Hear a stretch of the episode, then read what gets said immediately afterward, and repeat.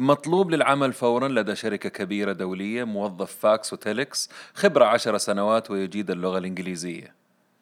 مطلوب لكبرى شركات تأجير الفيديو موظف يجيد استخدام الفيديو نظام بيتا ماكس بائع جوالات يجيد إضافة البرامج والأغاني على هواتف نوكيا. هذه الإعلانات من المستقبل. مزارع متخصص في الزراعة العامودية في الرياض وجدة مطلوب فورا. مدير أفاتارات يجيد تصميم وإدارة الهولوجرامز للعملاء في العالم الافتراضي طبيب نانو مختص في زرع أجهزة قياس الصحة العامة والمراقبة وصرف الأدوية الذاتي. أول مجموعة من الإعلانات الوظائف انقرضت وغير مجدية، والمجموعة الأخيرة مستقبلية ويتوقعوا أنها تكون آه، يكون عليها طلب عالي حتى لو كانت غريبة لنا اليوم. السلام عليكم ورحمة الله وبركاته، أهلا وسهلا فيكم جميعا في بودكاست جديد من نتكلم بزنس. قبل شهر تقريبا أصدر صندوق التنمية الصناعي السعودي لائحة بصناعات لن يقوم بتمويلها لأنها غير مجدية على الأقل في المرحلة القادمة زي مياه الشرب المعبأة الخرسانة الجاهزة علب المشروبات الغازية دباغة الجلود المباني الجاهزة التقليدية البلوك والبلاط الإسمنتي مصانع الثلج ألمنيوم وغيرها أربعين صناعة أخرى. الموضوع أثار آراء الناس المهتمة في الموضوع أصحاب الصناعات منهم اللي أيد القرار ومنهم اللي اختلف معاه لما نجي نطالع على الصناعات ال 48 اللي توقف الصندوق عن آه، تمويلها نلاقي إنها يا إما إنه السوق أمتلأ منها أو إنه في صناعات حديثة آه، راح تلغيها أو ألغتها في الوقت الحالي. هذا صلب موضوعي اليوم ولكن في بلوت تويست كذا وحنتكلم في أشياء آه يعني لها صلة في نفس الموضوع هذا. راح أتكلم الآن عن الوظائف، خلينا نشوف وظائف ما كانت موجودة قبل عشر سنوات فقط. مصمم ومنفذ تطبيقات حقت جوالات، مدير حسابات على الساحات الاجتماعية، social media manager، منقب معلومات، data miner، تقني متخصص في السحابات. Cloud Computing Technician. مستشار قبول في الجامعات. متخصص في جيل ال millennials. هذا اللي هو millennial generation expert user experience designer مصمم التجربة للمستخدم. هذول اللي يستخدموهم في uh, أول شيء تواجهه في التطبيق اللي بتستخدمه. YouTuber podcaster فاشينيستا على سناب شات وانستغرام vlogger ومع هذا كأنها كانت موجودة معانا من سنوات طويلة وهي قبل عشر سنوات ما كانت موجودة.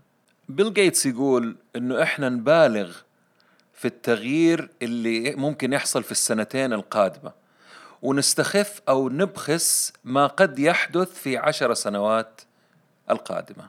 فعلا صح لسانك يا بيل لو نبغى نعرف إيش سبب آه انقراض صناعة أو انتهائها أو خدمة أو وظيفة أعتقد أنه لو ركزنا على أهم عنصر في هذه الصناعة والخدمة أو أي شيء نصنعه راح نعرف كيف نتفادى الصناعات المقبلة على انتهاء ونركز أكثر في المفيد للحاضر والمستقبل. أهم عنصر هو الإنسان الموظف العميل والمستخدم اليوم والسوق اللي نخلقه والجهات اللي تخدمه بخدماتها وصناعاتها. الأجيال المختلفة طبائعهم طلباتهم طرقهم تحفيزهم اختلافهم كل الأمور هذه وكيف العالم بيستعد ويتغير على هذا الأساس. كل حقبة زمنية تحتاج أدوات وناس مختلفة بإمكانيات وطرق تناسب الزمن عشان تدفعها للمستقبل. ولما توصل للجهة المستقبلية اللي انت رايح لها ما تحتاج الأدوات والناس والخبرات اللي وصلتك لهناك تحتاج أمور جديدة وغير ومختلفة بالتالي ما أعتقد إنه ينطبق المثل حق آه، قديمك نديمك لو الجديد أغناك. الديزل والكهرباء في القطارات أنهت القطارات اللي تشتغل بالفحم. وتغيروا معاها المهندسين والقطارات وكل شيء في ذلك الوقت. معاهم طبعا منجمين الفحم وأعمالهم والطلب على الفحم. الآن فكروا في كل شيء على نفس طريقة تفكيرنا في القطارات. طيارات سيارات وكل شيء نستخدمه اليوم. في خطوة جديدة في السعودية مؤخرا ناقش مجلس الشورى تحويل محطات البنزين من خدمة فيها ثمانية عمال لخدمة فيها شخص واحد يدير المحطة. وخدمة ذاتية والدفع يكون عن طريق الصراف الآلي أو الكريدت كارد آه والابتعاد عن النقد. إيش يعني هذا التحول في هذا القطاع الحيوي؟ تقريبا عندنا ستة ألاف محطة بنزين يشغلها أربعمية ألف عامل. راح ينقص العدد تسعين في المية ويصبح عندنا أربعين ألف موظف سعودي فقط برواتب مجزية. الآن على السريع أبغى أتكلم عن 18 أو أذكر حتى 18 شغلة تتم أو يتم استبدالها حاليا. المكاتب السياحية تم استبدالها بإكسبيديا و Booking.com وغيره. الصحف والمجلات بال blogs ومواقع الإنترنت وتويتر. المترجم تليفونك في تطبيق بسيط يترجم لك. السكرتاري والسنترال والمساعد تطبيقات وأنظمة أوتوماتيك. مكاتب لبيع الكتب. امازون متخصصين في الأمور المالية والاستثمار. كل شيء أصبح اونلاين موجود ويمكن أفضل. طب الفلوس النقد PayPal Apple Pay وغيرهم. مكاتب التوظيف لينكدين و Monster.com ومواقع أخرى. التكاسي سيارات الإيجار اوبر وكريم وليفت. فنادق اير بي ان بي هوم اواي فليب كي وإلى آخره. الصناعات المختلفة الخفيفة 3D printing مقدمي الطعام في المطاعم السريعة. صاير في أكشاك فيها خدمة ذاتية. التعليم أونلاين بفلوس وبلاش وفي منها بشهادات كمان. التلفزيون نتفليكس iTunes أمازون Hulu HBO وغيرها. المكتبات اللي بنزورها عشان نروح نقرأ فيها موجودة أونلاين المزارعين automation وميكنة كل شيء تعطيك محصول أفضل وأرخص بالنسبة لهم. حتى البريد وتوصيله أجهزة تنفذ بسرعة مخيفة بدون الحاجة لموظفين. الأسبوع هذا كنت جالس مع ثلاثة من خيرة الشباب دكاترة توهم متخرجين من أمريكا وجات سيرة الأجيال وال generations وأنت من أي generation وإحنا نعتبر من أي generation فتلخبطت أعتقدت إنه أنا من ال millennials ولا من ال millennials هم قالوا لي لا أنت ممكن تكون baby boomer وأنا أعرف إن I'm not from the baby boomers دائما يعني كنت أسمع آه، في التسويق ومن قراءاتي آه، في الكتب والمقالات أو حتى عند المسوقين يتكلموا عن generation X Y و Z أو يقولوا baby boomers و millennials وبصراحة كنت أتلخبط كثير آه، وأعمل نفسي فاهم. وأكمل يومي عادي طبعا. أول شيء لازم نعرف ليش التصنيف مهم. وقبل كده مين هم ومن أي حقبة زمنية؟ وبالتالي نقدر نعرف آه أنت أيها المستمع وأنت أيها المستمعة تنتمي لأي جنريشن لو كنت ملخبطة أو ما تبي تعترفي.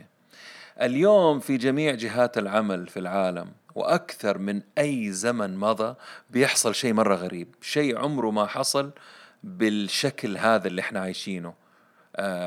شيء لابد إنه إحنا لازم نتوقف عنده ونفهمه وندرس ونعرف كيف نتعامل معاه حتى ننجح ونصل لأهدافنا. اليوم أي جهة عمل فيها أجيال مختلفة بتشتغل مع بعضها.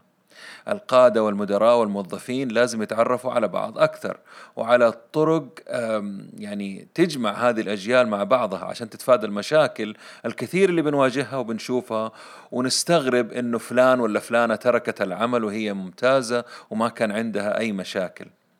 أول شيء بشكل سريع نتعرف على الخمسة الأجيال اللي موجودة. أول generation اللي هو ال traditionalists اللي هم التقليديين. مولودين من عام 1928 إلى عام 1945 صفتهم الكبيرة كان عندهم ولاء عالي جدا لجهات العمل. They were extremely loyal. اللي بعدهم الجيل اللي هو مولود من 1946 ل 1964 يسموهم ال baby boomers هذول جو بعد الحرب العالمية الثانية. آه هذا ال generation اللي هو me generation أنا أنا كل شيء. الجيل اللي بعد كذا من عام 65 لعام 1980 يسموهم generation X هذا اللي هو الجيل اللي يدور على التوازن بين حياته الشخصية وعمله. آه، في balance بيدور على توازن. الجيل اللي بعد كده generation Y ال millennials. هم يسموهم millennials و generation Y من عام 1980 إلى 1999 إذا أنت كنت من أو أنت كنت من الحقبة هذه فأنت millennial وما عندهم الولاء اللي عند ال generation حق ال traditionalists ولا حتى ال baby boomers لجهة العمل. generation Z اللي هم مولودين من عام 2000 إلى اليوم هذول ال social اللي هم حقون الساحات الاجتماعية. الآن خلونا ناخذ فكرة مفصلة عن كل جيل. التراديشناليست أو التقليديين آه نسبتهم مرة قليل آه في العمل تقريبا ثلاثة في المية الآن موجودين. مرة كان عندهم ولاء وأوفياء لعملهم وجهة العمل اللي اشتغلوا فيها بعد التخرج واحتمال أنهم يستمروا في هذه الوظيفة أربعين سنة حتى سن التقاعد. وكانوا يتوقعوا أنه جهات العمل هذه تحترمهم على هذا الولاء ولكن كانوا يجتهدوا في شغلهم ونادرا زي ما يقولوا يشوفوا أهاليهم. جيل الأنا البيبي بومرز اللي هم مولودين من عام 1946 إلى عام 64 أعمارهم اليوم في الخمسينات والستينات. وصلوا مراكز متقدمة في وظائفهم. عندهم القوة والسلطة الآن. في جهات عملهم. عندهم طموح عالي ولاء تركيز على العمل شكاكين سينيكل تهمهم الحوافز المالية ومعاها تقاعد مبكر واحترام من قبل زملائهم في العمل لمكانتهم الاجتماعية. ما يحتاجوا ولا يدوروا توجيه مستمر تسيطر عليهم الأهداف. طريقة تحفيزهم الترقيات المسميات الوظيفية تنمية مهاراتهم حجم المكتب لازم يكون كبير موقف خاص ومدحهم لخبرتهم الواسعة وإنجازاتهم من الأشياء اللي تحفزهم كمان المسؤولية والتحديات. وأرجع أكرر المدح بقول لكم هذا جيل الأنا. يمثلوا نسبة كبيرة من المسؤولين الموظفين اليوم في القطاعات المختلفة. الجيل اللي بعد كذا generation X من عام 1965 مواليد 65 إلى 1980 هذول جيلي أنا. وأشياء كثير يقولوها يعني مش بعيدة عن الحقيقة. نسبتهم أصغر من اللي قبلهم اللي هم ال boomers. ولكن هذا الجيل اللي جاب مفهوم وزن الحياة والعمل ال work life balance للعالم. السبب إنهم شافوا معاناة أهاليهم. وكيف أخذتهم عن العائلة والإرهاق الكبير اللي كانوا بيمروا فيه. هذا الجيل في الثلاثينات والأربعينات وأوائل الخمسينات من عمره الآن. وقضوا وقت طويل لوحدهم وهم صغار. إحنا نتكلم عن أمريكا وأوروبا. وهذا آه ولد عندهم روح الريادة أو ريادة الأعمال. وهم يمثلون أكبر نسبة من رواد الأعمال في العالم تقريبا 55% منهم في نفس ال generation هذا generation X يحب هذا الجيل العمل باستقلالية وقليل من الإشراف. يحبوا الفرص عشان يكبروا والاختيار ويحبوا شوية منترز يؤمن هذا الجيل إنه الترقيات والعلاوات لازم تكون مبنية على الأداء وما لها صلاح بالعمر ولا المنصب ولا المؤهل. اللي يحمسهم لاحظوا. جداول مرنة للعمل. تحمل جهة العمل لبعض المصاريف زي مدارس وغيره. ثناء المدراء عليهم. آه، بونس سنوي وغيره. أسهم وأمور مالية فورية. جينا للجيل اللي أعتقد أكثر العالم كتب عنه ال millennials أو generation Y. هذولا من مواليد 1980 حتى مواليد 1999 ويسموهم جيل الإنترنت. يعشقوا التكنولوجيا والأمور التقنية ويمثلوا أكبر نسبة من المجتمع اليوم. الجيل هذا يحب يعني أول شيء يعرف مهاراته ويعرف نقاط قوته ويبيع مهاراته للي يدفع له أكثر شيء ويقدره. نسبة ولائهم أقل من ال baby boomers اللي هم وال generation X كمان. يعني ممكن يتنقل إذا لقى شخص دفع له أكثر وقدره على الشغل اللي هو بيسويه. ما عندهم مشكلة ينطوا من شركة أو جهة للثانية وحتى في مكان ثاني مختلف عن طبيعة عملهم. تقدر تحافظ عليهم وتحفز وتحفيز هذا الجيل كيف؟ التنمية البشرية والتدريب الهادف المفيد مش الكلام الفاضي. التوجيه السليم المنتورينج مش المراقبة. بيئة العمل مرة مهمة عند هذا الجيل. العمل الجماعي يهمهم جداول مرنة إجازات أكثر تواصل على الشبكات تعليم مستمر وتطوير ذات. بيئة عمل مستقرة مش تذبذب. كل يوم مدير وكل يوم إدارة جديدة وكل يوم أنظمة جديدة. وقول اللي عندك على طول لا تلف وتدور معاهم. آخر الأجيال اللي هم من مواليد 2000 لليوم جنريشن زي جيل الشاشة وأنتم عارفين بدون ما أشرح ليش مسمينهم كذا لاصقين ح... لاصقين في ال millennials أو جيل Y وبدأوا يدخلوا عالم الأعمال والأشغال أكبر نسبة من المجتمعات الصغيرة بالأخص عندنا في السعودية. يهم هذا الجيل الحوافز الاجتماعية الإشراف عن بعد آه يبغوا يعملوا عمل له هدف راقي هدف سامي يبغوا المسؤولية من بدري. يدور الأعمال اللي تعطيهم حرية ومرونة في الدوام.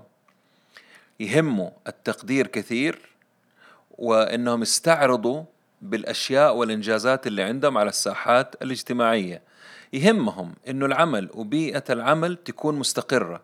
المطلوب منهم يكون واضح وضوح الشمس وفي شفافية في العمل ويكرهوا اللف والدوران. الشيء الغريب على هذا الجيل, يعني أنا توقعت ابدا هذه المعلومة ما كنت أعرفها إنهم يعني توقعت إنهم يحبوا يتواصلوا عن طريق الإنترنت أو الشاشة أو السكايب أو whatever فيس تايم لا يحبوا المواجهة في الشغل وجها لوجه. طيب إيش الأشياء اللي تأثر على generation X و Y و Z generation X الأشياء اللي تأثروا فيها التاريخ الموسيقى والأفلام. generation Y يتأثر بالنجوم والمشاهير آه ويبغوا يغيروا العالم. generation Z يتأثروا بالمؤثرين على الساحات الاجتماعية وال bloggers وال vloggers ومشاهير الإنترنت. وطبعا قبل ما تقولوا لكل قاعدة شواذ. طيب خلينا نركز شوية على generation Z اللي هم من مواليد 2000 وانت طالع. وشوية توقعات وأرقام من Robert Half. بحلول عام 2020 راح يمثلوا 20% من الموظفين. 77% منهم متوقع راح يشتغلوا بجدية أكثر من الأجيال اللي قبلهم. بعد خمس سنوات من التخرج 20% منهم يبغوا يكونوا رواد أعمال. 24% منهم يبغوا يترقوا في شركاتهم يعني يتسلقوا السلم الوظيفي في جهة عملهم. 32% يبغوا يكونوا مدراء في أشغالهم. خلال رحلتهم الوظيفية راح ينتقلوا بين أربع جهات مختلفة مو شرط في نفس المجال. 82% راح يتأثروا برأي أهاليهم في اختيار وظيفتهم. 30% منهم مستعدين يضحوا جزء أو 30% من رواتبهم من أجل هدف سامي بيعملوا من أجله. 50% منهم يبغوا يتقاعدوا قبل وصولهم عمر الستين.